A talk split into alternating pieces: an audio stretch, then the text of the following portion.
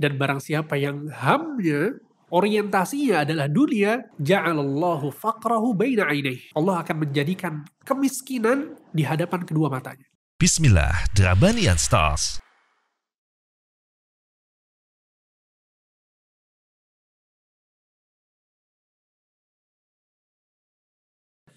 Bismillah, Assalamualaikum warahmatullahi wabarakatuh.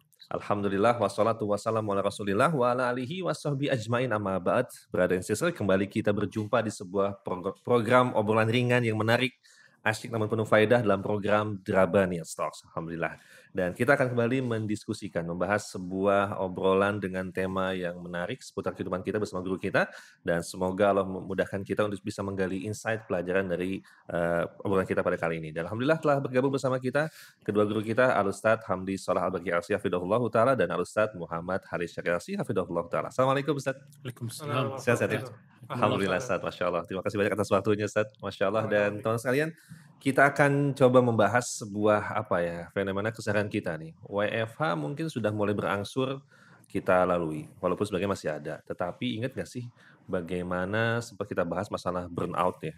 Bagaimana budaya kerja membuat kita makin gila-gilaan Ustaz. Nah ini adalah lagi sebuah istilah yang namanya hustle culture Ustaz adalah sebuah budaya yang mungkin marak di kalangan milenial khususnya saat ini saat di mana maraknya fenomena uh, perusahaan startup, perusahaan rintisan yang mungkin bergerak di bidang teknologi mayoritasnya, namun juga banyak bidang lain. Ini membuat uh, teman-teman kita tuh benar-benar gila kerja, saat masya Allah. Bagaimana bisa memfokuskan seluruh hampir mayoritas waktunya untuk kerja, kejar target, kejar pencapaian, dan ini dipicu oleh mungkin melihat tokoh sosok mungkin ya yang sama mungkin dengan fenomena medsos banyak diangkat. Fenomena teman apa namanya mereka kaula muda yang berada di bawah usia 30, di bawah usia 40 tapi sudah mencapai pencapaian dunia yang luar biasa.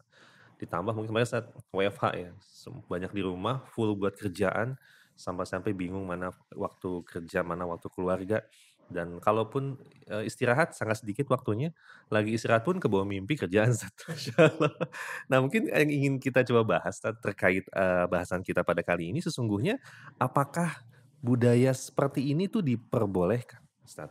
Tentang gila kerja Gitu. Bismillah, Alhamdulillah, wassalatu wassalamu ala rasulullah ma ba'd. Islam sangat menganjurkan ya, kaum muslimin untuk semangat dalam bekerja bahkan profesional dalam bekerja itu adalah salah satu hal yang sangat dicintai oleh Allah Subhanahu wa taala. Nabi SAW bersabda dalam sebuah hadis, "Inna Allah yuhibbu idza amila ahadukum amalan an yutqinahu." Sesungguhnya Allah Subhanahu wa taala menyukai dari seorang hamba ketika dia bekerja, dia bekerja secara profesional. Itu bisa bayangkan ya, ternyata rajin bekerja, totalitas dalam bekerja, profesional dalam bekerja itu dicintai oleh Allah ini kan berarti bahwa Islam support ya uh, setiap orang yang sedang bekerja agar dia uh, serius gitu mengerjakannya. Taib. Jadi Islam sangat mendukung kita untuk bekerja ya untuk um, produktif bahkan dalam sebuah hadis Nabi Shallallahu Alaihi Wasallam bersabda in qamatis sa'ah wa biyadi ahadikum fasilatun fa in istata'a alla yaquma hatta yaghrisaha falyaf'al jika terjadi hari kiamat sedangkan di tangan kalian ada bibit tanaman bayangkan ini udah ada bibit tanaman di tangan tapi hari kiamat terjadi hmm. kalau dia mampu untuk me menanamnya maka hendaknya dia menanamnya kata Nabi SAW hmm. ya, sehingga maksudnya adalah bahwa ini hadis yang sangat jelas bagaimana Islam memerintahkan kita untuk totalitas dalam bekerja. Tapi yang jadi catatan adalah kita nggak boleh menjadikan orientasi yang terbesar dalam kehidupan kita adalah dunia. Nggak hmm. boleh. Ya, tujuan kita adalah akhirat. Allah Subhanahu wa taala menciptakan kita untuk beribadah kepadanya. Wa ma khalaqtul jinna wal insa illa liya'budun. Allah telah menggariskan kepada kita untuk apa kita hidup. Sehingga kita harus paham ini bahwa kita hidup ini bukan buat kerja. Kita hidup ini bukan untuk mengumpulkan kekayaan sebanyak-banyaknya, bukan kita kita hidup untuk sholat, kita hidup untuk berpuasa, kita hidup untuk berzikir kepada Allah, kita hidup untuk memperdalam ilmu tentang Allah Subhanahu wa taala. Sehingga ini adalah orientasi yang harusnya ada di benak setiap mukmin. Gitu. Jangan sampai kita kemudian dengan alasan totalitas, dengan alasan profesional, akhirnya malah melalaikan akhirat. Ya apalagi dalam sebuah hadis Nabi Shallallahu Alaihi Wasallam bersabda, "Man kanatil akhiratu hammahu, ja'alallahu ghinahu fi qalbi." Ya perhatikan hadis ini baik-baik. Barang siapa yang menjadikan akhirat sebagai orientasi hidupnya, Allah akan menjadikan kekayaan di dalam hatinya. Ini yang pertama. Wa jama'alahu syamlah dan Allah akan memperbaiki segala urusannya. Wa atathu dunya wa hiya raghimah dan dunia akan mengikuti di belakangnya dalam keadaan tunduk dan hina.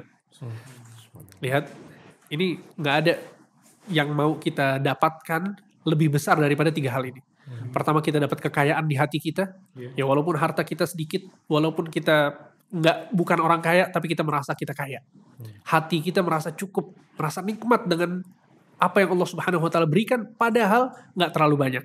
Itu yang pertama, dijadikan hatinya kaya dan diselesaikan urusan-urusannya. Ya, dan dunia akan mengikutinya dalam keadaan tunduk dan hina. Ini untuk siapa? Untuk mereka yang menjadikan akhirat sebagai tujuan. Yang ada di benaknya itu akhirat.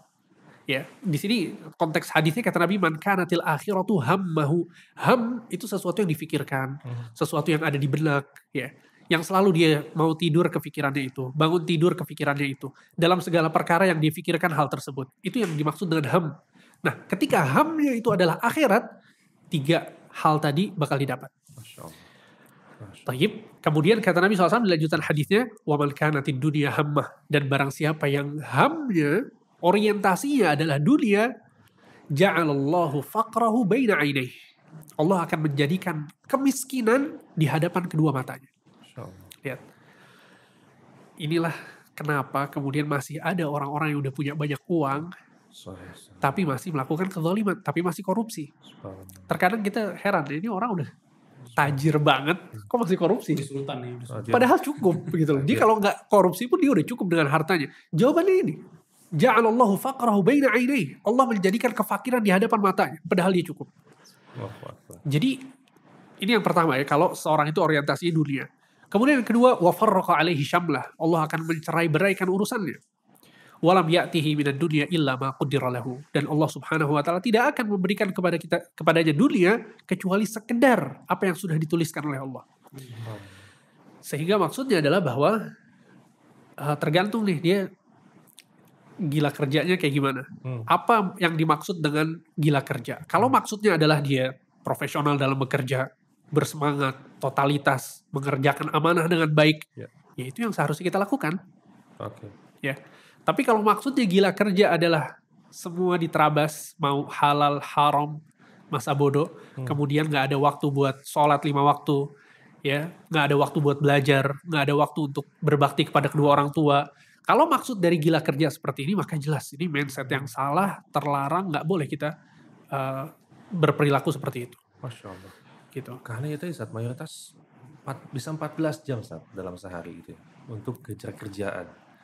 Mungkin kerjaan di Indonesia, pelajarnya kan luar negeri. Hmm. Di sana masih pagi, siang, sini malam kerja. Iya, Cuman iya, tadi, iya juga ya. Tadi ada kewajiban keluarga, ada kewajiban ibadah Betul. Sat, ya. Sahih. Allah. Iya. Nah, Satgas buat teman-teman yang ya dalam hasil kasus ini adalah mereka beralasan atau menjadi sebuah apa ya quotes Stat, penyemangat bahwa bro usaha tuh nggak bakal ngianati hasil gitu loh. Jadi kalau kita bisa gaspol secara maksimal ya hasil bakal sesuai kita dapetin gitu. Nah, menarik nih, Sat. Dari sisi pandangan Islam seperti apa Sat, tentang quote Ya. atau kutipan seperti ini? Iya, emang itu sering banget kita dengar ya. Usaha tidak mengkhianati hasil. Sebenarnya perkataan ini ada benernya juga, Mm-mm. tapi tentu kita nggak bisa memutlakan begitu aja gitu loh. Betul. Ya, karena Allah Subhanahu Wa Taala akan memberikan balasan yang baik untuk orang yang beramal kebaikan, Ya. Dan Allah akan memberikan balasan yang buruk untuk orang-orang yang memiliki amal-amal yang buruk. Mm. Itu pasti, gitu loh. Nah, tapi kalau untuk urusan kayak kerja dan lain sebagainya, ya usaha maksimal hasil itu yang menentukan Allah Subhanahu Wa Taala. Ah, Ya, tetap aja hasil itu yang menentukan Allah Subhanahu wa taala. Karena semua kita berjalan ini kita pindah dari satu takdir kepada takdir yang lain. Hmm. Dari ketentuan yang satu ke ketentuan yang lain. Maka dalam hadis Rasulullah SAW mengatakan salah satu kepentingan atau salah satu tanda seseorang beriman kepada takdir itu adalah wa ta'lam anna ma asabaka lam yakun liyukhti'aka wa anna ma akhta'aka lam yakun liyusibak. Hmm. apa-apa yang kalian dapatkan itu nggak mungkin salah gitu loh. Emang itu buat kalian gitu. Emang itu porsi yang Allah berikan kepada kalian. Dan apa-apa yang kalian tidak dapatkan itu juga nggak mungkin salah. Itu emang porsi yang Allah nggak pengen kasih kepada kalian. Maka kita sebagai manusia itu diperintahkan untuk usaha maksimal dalam hal kerja kayak gini. Ya, kita usaha maksimal. Males itu itu perkara yang paling salah satu perkara yang paling dibenci oleh Rasulullah SAW. Bahkan Rasulullah SAW itu sampai berdoa Allahumma inni a'udzu bika minal kasali. Ya Allah aku berlindung dari rasa malas. Jadi kita emang mesti rajin gitu loh. Mesti semangat. Bahkan dalam satu hadis ya. Rasulullah SAW dalam riwayat Bukhari mengatakan لأن يأخذ أحدكم حبله فيأتي بحزمة الحطب على ظهره فيبيعها فيكف الله بها وجهه خير له من أن يسأل الناس أعطوه أو منعوه. Kata Rasul Shallallahu Alaihi Wasallam seseorang nih ya dia nggak mentok nih ya nggak bisa apa-apa gitu ya kecuali yang dia mampu itu hanya mengumpulkan kayu bakar dia bawa di belakang punggungnya dia jual itu lebih baik daripada dia cuma minta-minta orang doang. Maksudnya di sini ya usaha semampu kalian usaha apa yang kalian bisa usaha. Ini orang mentok banget nih. Tapi tetap Rasulullah SAW bilang ahsan nanti usaha apa aja. Hmm. Lebih baik kita usaha apa aja. Makanya tugas kita usaha maksimal. Hasilnya itu urusan Allah Subhanahu Wa Taala. Dan apa pun yang dikasih sama Allah dari hasil atau ya dari hasil usaha kita itulah yang Allah pandang pantas untuk kita miliki. Jadi Allah nggak pernah zalim dalam memberikan sesuatu kepada orang, nggak pernah. Hmm. Dan nggak ada satupun hamba ya di dalam Al-Quran ataupun hadis yang diceritakan akan berkeluh kesah tentang kezaliman Allah, nggak ada, nggak ada. Semua tuh tahu bahwa ini memang adil Allah Subhanahu Wa Taala ngasih seseorang tuh memang adil, Hmm. gitu ya. Maka apa pun yang kita dapatkan dari hasil usaha kita, itulah yang Allah katakan ini hasilnya, gitu loh. Iya, iya. Ini hasilnya. Maka kita boleh mengatakan usaha tidak mengkhianati hasil, Hmm. insya Allah. Insya Allah. Ya, karena ini semua balik kepada Allah Subhanahu wa taala. Betul. Apalagi kalau tadi hasilnya itu diidentikan dengan harta saja. Makin giat kerja, hasilnya makin besar. Banyak. Kalau gitu nggak adil dong Ustaz ya. Kasihan teman-teman yang kerja di jalan, waktunya habis di jalan. Mungkin beda dengan orang yang duduk santai, kerja singkat, tapi dapat proyekan besar Ustaz ya. Tadi insya Allah yang menentukan Ustaz ya. Masya Allah. Nah juga tadi Ustaz menariknya adalah, tadi kebayang Ustaz ya. Orang yang hustle culture, waktunya habis untuk kerjaan. Mungkin normalnya 8 jam, ini sampai dengan 12 jam, 14 jam. Kalau sesuai dengan passionnya Ustaz. Ustaz Muhammad ya. Emang dia senangnya di situ, senangnya teknologi dan sebagainya, dia kerja di situ, oh nikmat banget gitu Ustaz ya. Iya. Cuman kebayang dia ada di perusahaan tersebut yang dia di situ karena bukan bidang gue sih, cuman Hmm. ya gimana, ada hasil nih buat keluarga. betul. Cuman gak sesuai dengan passion nih. Nah, Ustaz, emang kudu begitu gimana Ustaz dalam Islam? Cuma sering nih berulang-ulang kayak begini nih. Maksudnya eh. orang ini mau kerja sesuai passionnya dia. Heeh. Kita katakan deh bahwa memang yang paling ideal passionnya apa? Dapat duit dari passionnya. Masya Allah. Dapat duit dari bakatnya, dapat duit dari minatnya dia. Oh itu Hmm. paling ideal. Hmm. Allah Subhanahu wa taala mengatakan dalam surat Al-Isra ya. Qul kullu ya'malu ala syakilati. Setiap orang itu beramal kata Allah tergantung dengan syakilahnya dia. Gitu ya. Kata Alimah Mujahid, salah satu uh, pakar tafsir beliau mengatakan bitabiatihi. Dari karakternya dia.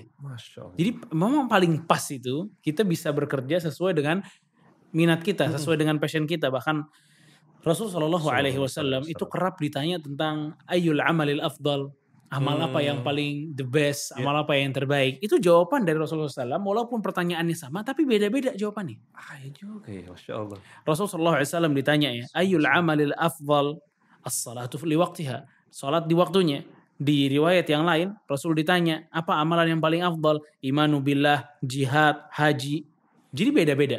Al-Hafidh Ibnu Hajar beliau mengatakan, محصل ما أجاب به العلماء عن هذا الحديث وغيره مما اختلفت فيه الأجوبة بأنه الأفضال الأعمال أن الجواب اختلفت لاختلاف أحوال السائلين Hmm. bahwa kenapa jawaban Rasul beda-beda ini karena keadaan yang berbeda-beda dari penanya Masya Allah. dan beliau mengatakan ya bima lahum fihi raghbah dan Rasul lihat ini orang passionnya kemana raghbahnya kemana kemauannya kemana minatnya kemana sanggupnya yang mana itu yang dijadikan jawaban oleh Rasul Shallallahu Alaihi Wasallam Maksud, maksudnya di sini adalah bahwa Rasul juga ngelihat di sisi ini gitu loh Rasul sangat melihat dalam sisi passionnya orang kayak Iya. apa. Makanya dalam muamalah Rasul kepada beberapa para sahabat ya, Rasul SAW ngelihat bagaimana para sahabat ini passionnya ke mana, Hmm. itu yang Rasul tepatkan dia gitu loh. Ya, Iya. seperti Usamah bin Zaid, Rasul lihat passion ini sebagai pemimpin, Hmm. dia dia pemimpin panglima, jadi dia jadi panglimanya. Ya, Kalau kita pergi lagi kepada sahabat yang lain seperti Mus'ab bin Umair, Mu'adz bin Jabal, ini passionnya mubaligh dia, guru dia, Masya Allah. pandai gitu ya, bisa ngajar dan sebagainya. Rasul tugaskan dia untuk berdakwah. Ya, ada juga sahabat-sahabat emang yang encer otaknya seperti Zaid bin Thabit. Zaid bin Thabit inilah yang dipilih oleh Rasul Shallallahu Alaihi Wasallam belajar bahasa Suryani, salah satu bahasa Ibrani Hmm. yang 15 hari akhirnya mampu menguasai bahasa Suryani Wah, gitu loh. Jadi dipilih gitu sama Rasul sesuai dengan kelebihannya dia, sesuai dengan passionnya dia. Maka kita katakan gitu buat teman-teman semua nih, memang eh, idealnya gitu. Anda tuh bisa menggali bakat Anda tuh yang mana, Hmm, passion Anda yang mana. betul. Itu kan caranya ada yang bisa ke ahlinya gitu ya, betul. dites terus passionnya ke mana. Tapi ya Hmm. kalau nggak mampu ke situ ya tanya orang-orang sekitar kita. Bah. Tanya-tanya orang sekitar kita gimana passion saya kira-kira apa ya, minat saya itu ke mana, Hmm. bakat saya itu ke mana. Hmm. Gitu ya. Itu yang paling ideal. Tapi ya Ustadz Hamdi dan Kang Alvin di samping itu ya segudang enaknya tentang passion-passion ini tapi realistis aja. Iya. Kadang nggak seperti itu. Sorry. Ya, nggak datang tuh yang sesuai passion kita nggak datang. Nggak menghasilkan uang. Iya nggak menghasilkan uang atau pekerjaan emang maaf nggak ada itu. Ya, maka gimana? Pertama, jangan buru-buru ketok palu gitu loh. Masya Oh ini nggak sesuai passion gue nih. Gue nggak mampu dari sini deh. Ini Masya sesuai. Jangan kayak gitu dulu. Betul. Kalau setiap orang yang biasa membaca bukunya Al Imam Syafi'i rahimahullah, pasti beliau orang-orang yang membaca ini nggak asing dengan satu nama, namanya Ar-Rabi' bin Sulaiman. Rabi' bin Sulaiman ini murid Syafi'i, murid Imam Syafi'i rahimahullah. Tapi Imam Syafi'i bilang, setiap ngajarin murid-muridnya, salah satu Rabi' bin Sulaiman, itu Imam Syafi'i sering mengulang satu permasalahan 40 kali. Masya Allah. Buat Rabi' nggak ngerti-ngerti. Terus kita mau bilang di IQ-nya cerdas, nggak bisa. Ini 40 kali diulang-ulang nggak ngerti. Berarti ini IQ-nya nggak sama dengan teman-teman dia yang lain. Yang mengakibatkan Robi ini malu. Nggak datang lagi ngaji. Ya Allah. Malu dia. Apakah kemudian Imam Syafi'i mengatakan ini nggak sesuai passion dia emang nih. Dia nggak bakat dalam menuntut ilmu. Nggak gitu Imam Syafi'i. Imam Syafi'i datang ke rumahnya. Terus bilang, nanti kenapa nggak datang? Ya Allah. Bilang, Allah malu kata Rabi bin Sulaiman. Malu saya. 40 kali diulang buat saya doang. Nggak paham-paham lagi. Kata Imam Syafi'i rahimahullah. Kalau saya ya bisa ngasih seseorang ilmu kayak ngasih makan, saya maka kasih makan terus. Syafi'i. Terusin. Jadi kan Imam Syafi'i itu udah. Ini ada bakat terpendam, coba aja terus. Dan. Allahu Akhirnya Rabi bin Sulaiman siapa yang gak kenal? Masya Setiap orang yang menelaah buku-buku Al-Imam Syafi'i rahimahullah pasti tahu ya siapa itu Rabi' bin Sulaiman. Ya. Bahkan Al-Muzani, siapa lagi? Al-Buwaiti. Mereka memuji ini murid-murid Imam Syafi'i memuji. Ya, Al-Imam Al-Buwaiti mengatakan yang paling pinter tentang perkataan Syafi'i itu dibanding saya Rabi' bin Sulaiman. Lihat. Masya Padahal nah, awalnya masa kita mau bilang nggak ada passionnya nih. Jadi jangan buru-buru gitu loh. Ya. Jangan buru-buru. Nah di samping itu, kita jangan buru-buru memutuskan ketok palu udah beres. Hmm. Pokoknya gue nggak sesuai passion, nggak sesuai bakat, nggak sesuai minat, gue tinggalin enggak. Apalagi ada kebutuhan. Nah. itu. Realistis aja pak. Kalau udah kebutuhan realistis aja lah. Ya. Dulu orang-orang muhajirin itu, orang-orang Mekah, itu secara umum pekerjaan mereka pedagang ya. Hmm. Tapi mereka dipaksa pindah ke Madinah. Yang pekerjaan orang Madinah paling banyak itu apa? Bertani, bercocok tanam. Ayo, makan nggak? Kalau makan bercocok tanam deh udah, bareng sama yang lain. Akhirnya mereka hidup di sana. Gitu, realistis gitu loh. Ya. Jadi ini hal-hal yang perlu kita lihat gitu ya, perlu kita lihat gitu loh. Apalagi hadis yang tadi disampaikan bawa kayu bakar deh. Ih, Ah. Bisa-bisanya apa? Ya Hmm. udah realistis- realistis aja. Emang passion ente bawa kayu bakar kan? Enggak ya. Passion. Baru mau sebut tadi. Bisa. Tapi salah satu contohnya mau kayu bakar. Siapa yang passion kayu bakar? Ya Allah. Mungkin ini penyakit bujang Ustaz ya. Masih idealis gitu kan. Udah nikah Idealis. sih jalan udah. Idealis tuh paling sering terbentur dengan realistis. Iya. Realita terbentur. Masya Allah. Ya saya teringat kalau udah jadi itu saat ya ketika diperintahkan untuk menikah dan juga akhirnya rezeki luas tadi saat ya mungkin karena ada realistis kan masih berjuang nafkah buat keluarga dan sebagainya. Tapi juga Ustaz, tadi kisah Ustaz tentang Robi ini ingat juga ke kita adik-adik dan kan kita yang punya anak saat ya masing-masing anak tuh kan ada kelebihan kekurangannya saat ya. Kalau kita langsung ketok palu kebayang nggak kalau tiba-tiba dia tuh ternyata punya bakat terpendam seperti Robi gitu kan. Kita, kita langsung cut sejak awal tuh, masya Allah. Ini pentingnya buat kita untuk terus belajar ya teman-teman, gali minat, bakat dan potensi kamu semua nih, masya Allah. Nah, lalu saat menariknya adalah saat ini kita coba eh, sedikit meloncat kembali ke performa hasil kalsel dan sebagainya. Ini dari sisi mindset teman-teman lama mungkin yang kenal seseorang yang dulu sebelum ngaji kita tahu tuh beliau ih dedikasi banget sama kerjaannya gimana, gigihnya luar biasa terhadap pekerjaan. Kemudian kok semenjak dia berjenggot lain nih gitu ya.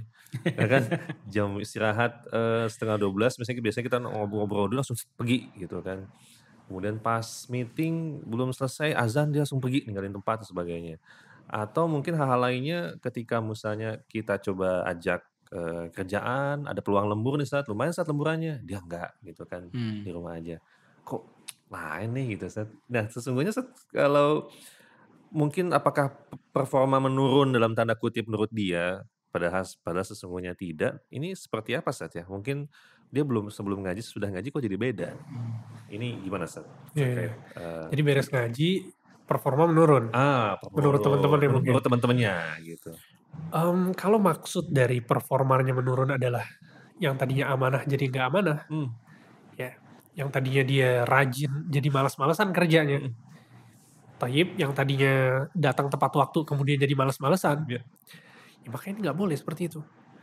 Ya nggak bisa dijadikan alasan bahwa dia udah ngaji jadi malas kerja. Ini sama sekali tidak dibenarkan. Ya makanya tadi disebut juga bahwa Nabi SAW Sallallahu. berdoa kepada Allah Subhanahu wa taala, Allahumma inni a'udzubika minal kasal. Ya, dalam hadis ini Allahumma inni a'udzubika minal ajzi wal kasal. Ya Allah, aku berlindung kepadamu dari sifat malas, lemah dan malas. Ya jadi nggak boleh malas. Justru ketika kita udah ngaji, itu kita semakin bertanggung jawab, kita semakin profesional sebagaimana yang tadi kita bahas. Iya. Ya.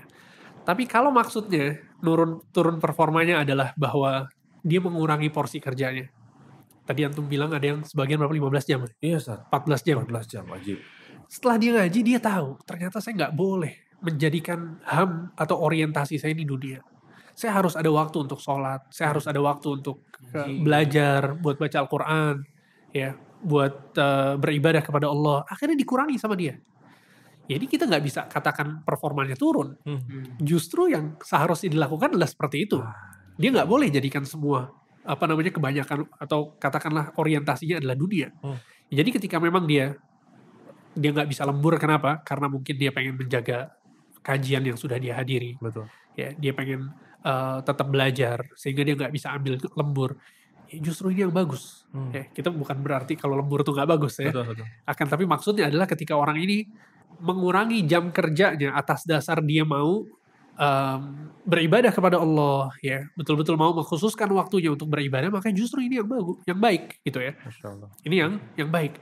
Karena kita tahu kan sebagian orang itu yang tadi antum sebutkan gila kerja akhirnya nggak sholat, gila kerja akhirnya sholat eh, asarnya udah hampir maghrib misalnya. Hmm. Ya hal-hal yang seperti ini yang kemudian eh, tidak dibenarkan dalam Islam. Tapi coba kita tarik dari perspektif mungkin keluarga, Sat. Contoh si istri yang tahu suaminya sebelum ngaji itu pol-polan cari nafkah buat Hmm. keluarga. Terus kalau udah ngaji kok jadi malas malas kerja, alasannya zuhud istriku. Yang ada aja. Kan beras kosong nih Sat. Gimana? Gimana Sat dengan alasan zuhud ngejar akhirat yang paling utama. Allah gitu. Ustaz. Wallahi ini ini subhanallah zuhud ini satu kata yang sering disalahgunakan oleh banyak orang. Syekhul Islam Ibnu Taimiyah mengatakan zuhud adalah tarku ma la yanfa'u fil akhirah.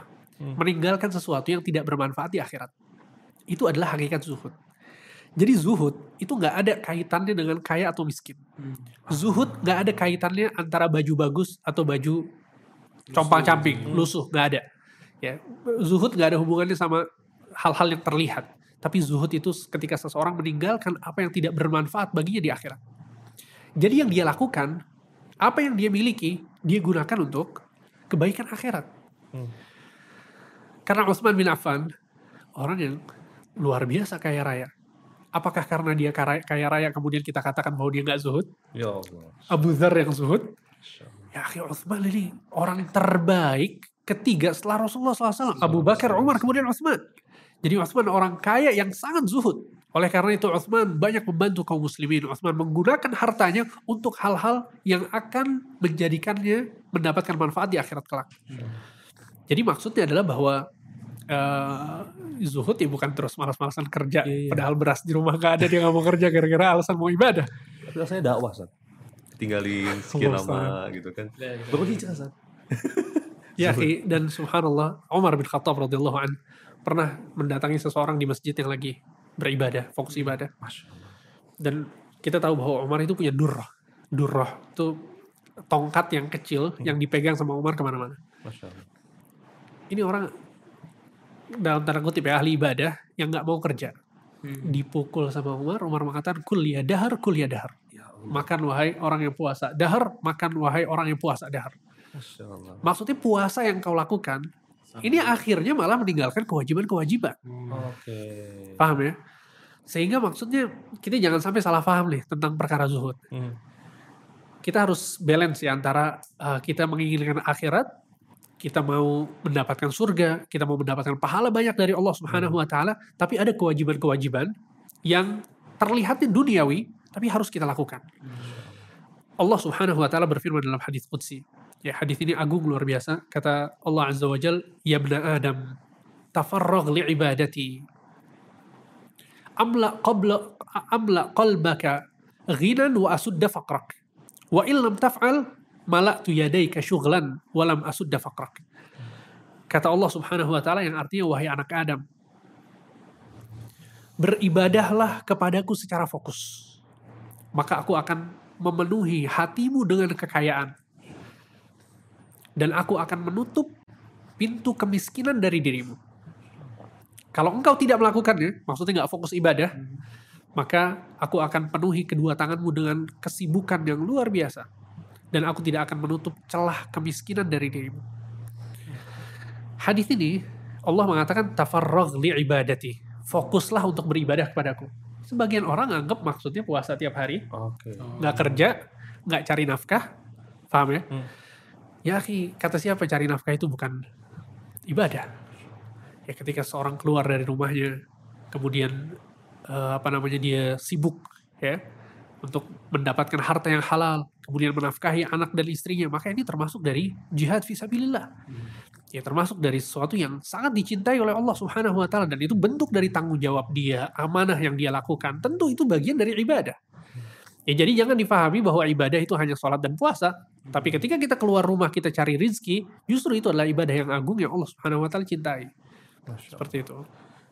Oh, masya Allah. Ini pentingnya pemahaman dan ilmu Ustaz ya. Sehingga Betul. tepat dalam bersikap, masya Allah. Kayak tadi tipis banget ya menjadikan agama sebagai alasan buat wah ibadah ternyata ada kewajiban dilalaikan bahaya banget. Betul, ya. betul. Padahal itu juga ibadah. Iya. Ya, Aduh. kewajiban dari Allah. Semangat Ustaz, Masya Allah. Nah, mungkin sebagai terakhir Ustaz, mohon nasihat Ustaz terkait teman-teman yang mungkin saat ini memilih atau dalam kondisi hasil kacau seperti ini. Eh, amanah masih banyak gitu kan, tamat tanggungan dan sebagainya, tapi juga sedang berupa untuk mengerem, untuk mengerahkan ke akhirat atau bagaimana harus bersikap, mohon nasihat Ustaz. Iya, barakallahu fikum. Memang yang pertama sih etos kerja dalam Islam itu diperhatikan gitu. Hmm. Ya, adanya etos kerja itu memang diperhatikan dalam Islam. Udah hadis-hadis yang kita dengar dari awal, ya. Allah itu mencintai jika kalian itu melakukan sesuatu dengan baik gitu loh, dengan Hmm, profesional profesional. gitu loh. Jadi ya gali potensi apa yang kita miliki, skill up-nya mesti Hmm. terus-terusan, doa, bertawakal kepada Allah, ya kerjalah yang maksimal. Ya. Tapi pekerjaan itu jangan sampai melalaikan kita dari hak-hak yang lain ya. Ada yang satu hadis waktu eh, sahabat yang mulia Salman Al Farisi radhiyallahu anhu yang pernah dipersaudarakan dengan Abu Darda. Eh, Salman Al Farisi radhiyallahu anhu pernah mampir ke rumah saudaranya ini Abu Darda. Tapi begitu datang ternyata di rumahnya Abu Darda ini Abu Darda nggak ada, cuma bininya doang. Ummu Darda. Oke. Begitu eh, ketemu gitu ya, bininya Abu Darda ini bukan seperti terlihat seorang wanita yang lagi nungguin suaminya balik ke rumah. Amutabadzilah ya Ummu Darda, kata Salman. Kok compang-camping jelek banget gitu loh. Hmm. Ya, kotor pakaiannya, nggak kayak nungguin suaminya. Hmm. Ya. Kata Ummu Darda, akuk, saudaramu tuh, Ummu Darda. Ya, dia udah nggak pengen lagi masalah dunia. Oh, dia udah lepas sama masalah dunia. Kayak dilihat juga sama yang masalah zuhud dan yang lainnya bahkan. Akhirnya ditungguin sama Salman sampai Abu Darda pulang. Begitu Abu Darda pulang ngelihat Salman di rumahnya bahagia deh, saudaranya datang. Wah, kata Abu Darda tuh, ya, saya bikinin makanan buat kamu. Hmm. Udah, bikin makanan, bikin makanan. Sebelumnya Salman dikasih tahu sama bininya, Abu Darda nih, kalau pagi puasa, kalau malam sholat malam. Jadi ini Arimnya nggak dicolek-colek. Bininya nggak dicolek-colek sama dia. Udah puasa, sholat malam, puasa, sholat malam. Begitu aja kehidupannya. Begitu pulang dikasih makanan, begitu dikasih makanan kata Salman, ya Allah kita makannya bareng. Hmm. Kata Abu Darda enggak. Ini puasa. Allah. Kata Salman, la akuluhu hatta ta'kul. Saya nggak bakal makan sampai kamu ikut makan. Dipaksa makan akhirnya. Batal puasanya. Makan, setelah makan dia ngobrol-ngobrol segala macam. Salman bilang, saya mau nginep. Wah, tambah senang lagi Abu Darda. Dia berbaring bersama dengan Abu Darda di habis sholat Isya. Berbaring, pada saat mereka berbaring nih, Salman dia kalau kita itu derbaan deh. Hmm. Derbaan Abu Darda bangun. Sholat. Kata Salman, nim, tidur nanti. Gak usah sholat. Tidur. Karena mau sholat enggak? Tidur, tidur. Masuk kepada bagian malam yang kedua. Abu Darda bangun lagi mau. Masya Kata. Salman tidur. Gak boleh, suruh tidur. Sampai masuk kepada bagian malam yang ketiga. Salman bangun, Abu Darda bangun, akhirnya sholat. Tahajud. Setelah sholat tahajud, Abu Darda ngasih tahu, ke eh, Salman ngasih tahu ke Abu Darda. Kata Salman, ya Abu Darda, inna li rabbika alaika haqqa, wa inna li nafsika alaika haqqa, wa inna li ahlika alaika haqqa, wa inna li dhaifika alaika haqqa, fa'ti kulla dhi haqqin haqqah. Kata Abu Darda, ah, kata Salman, wahai Abu Darda, Allah itu punya hak. Dirimu itu juga punya hak. Istrimu di rumah, keluarga juga punya hak. Tamumu pun punya hak. Maka berikan setiap hak-haknya. Ya. Abu Darda nasihatin begitu pas ke masjid ngadu sama Rasul. Masya Allah. Ngadu ya Rasulullah Salman nginep. Kita sholat nggak boleh, puasa enggak, iya kan? Semua itu ada hak-haknya, kita mesti ngasih haknya. Kata Rasulullah SAW, Sadaqa Salman. Masya Allah. Benar Salman. Inna li rabbika alaika haqqa. Diulang lagi Rasulullah. Rabbmu punya hak. Jadi di porsi nanti untuk Allah ada waktunya. Masya Allah. Wali nafsika alaika haqqa. Dan kamu juga butuh istirahat. Hmm. Ada haknya. Wali ahlika alaika haqqa. Dan keluargamu juga punya hak. Kamu mesti sama keluarga, mesti kerja untuk keluarga. Wali dhaifika alaika haqqa. Dan kalau ada tamu juga kamu mesti nyamperin tamunya, mesti nyambut tamunya. Dan berikan setiap orang-orang tersebut hak-haknya. Di Islam gak disuruh kerja 24 jam, wala disuruh beribadah 24 jam. Semua ada hak-haknya, semua ada waktu-waktunya. Masya Allah. Iya. Allah Ya salam. Masya Allah. Masya Allah, teman-teman sekalian. Jadi inilah pentingnya ilmu untuk mengetahui mengetahui hak dan batasan saja tadi dan juga kita pentingnya untuk mengenali potensi diri kita dan asah skill up kemudian juga maksimalkan untuk kebaikan. Dan tentunya ini pas banget nih Ustaz, dengan program Drabanias Izah nih teman sekalian. Kita sedang menggalakkan dengan menggerakkan sebuah pelatihan pendampingan dan juga skill up usaha bisnis kamu sekalian. Dimulai dari mana? Dimulai dari mengenali potensi Ustaz potensi kita di mana, passion kita di mana, dibimbing oleh para guru dan mentor. Kemudian kita bisa maksimalkan bagaimana men-scale up usaha hingga besar, kemudian menjadi manfaat buat orang banyak. Tetapi dari yang saya tadi ada batasannya nih, gitu kan. Kalau nggak ada batasannya, scale up-nya bablas. Dan ini pentingnya kita menggabungkan ilmu muamalah syariah dan juga ilmu pelatihan bisnis insya Allah. Dan kita akan terus apa namanya eh, kita akan galakan. Silakan masih dibuka pendaftaran hingga 9 Sep 9 Januari 2022 insya Allah. Silakan untuk bisa dilihat di pro- programnya di eh, Instagram Drabanias Izzah insya Allah. Jadi bagaimana ada ilmu muamalah syariah dan ilmu manajemen bisnis dipandu oleh para guru dan mentor asatizah kita kemudian juga para para pelatih pelatih bisnis insya Allah. Dan juga semoga menjadi sebuah eh, jalan kebaikan buat kita semua. Dan silakan untuk bisa dicek di trizah.co.id insyaallah. Dan silakan untuk bisa DM atau untuk info lebih lanjut insyaallah. Kemudian juga yuk kita belajar bareng sekarang bareng dan kita akan meraih eh, izah atau kemudian insyaallah. Dan juga tentunya kami mengucapkan terima kasih atas eh, support dari teman-teman sama saya nih masya Allah. Terima kasih banyak atas support wardrobe yang luar biasa alhamdulillah. Yang kami kenakan alhamdulillah nyaman sekali. Ada Kemco ada Koko Kurta dan masih banyak model lainnya dari mulai ujung from top to two ya masya Allah dari ujung kepala hingga ujung kaki disediakan oleh Samasi silakan bisa langsung dicek di Instagram ataupun di toko-toko yang telah tersedia insya Allah memiliki 50 eh, cabang ya The Mitra alhamdulillah di tanah Jakarta udah, udah pindah nih sama home-nya ke Tanah Abang nih Masya Allah silakan untuk bisa langsung cek ke Instagram sama se Sentro, sama se Close dan lain sebagainya. Masya Allah, jazakumullahu khair. Masya Allah, Ustaz, terima kasih banyak Ustaz atas kesempatan waktunya. Semoga Allah mudahkan kita kembali berjumpa di yang akan datang. Teman-teman Ustaz, tetap semangat ya. kita akan kembali berjumpa semoga Allah mudahkan. Kita akan akhiri wassalamualaikum. Assalamualaikum wabarakatuh. Waalaikumsalam warahmatullahi wabarakatuh.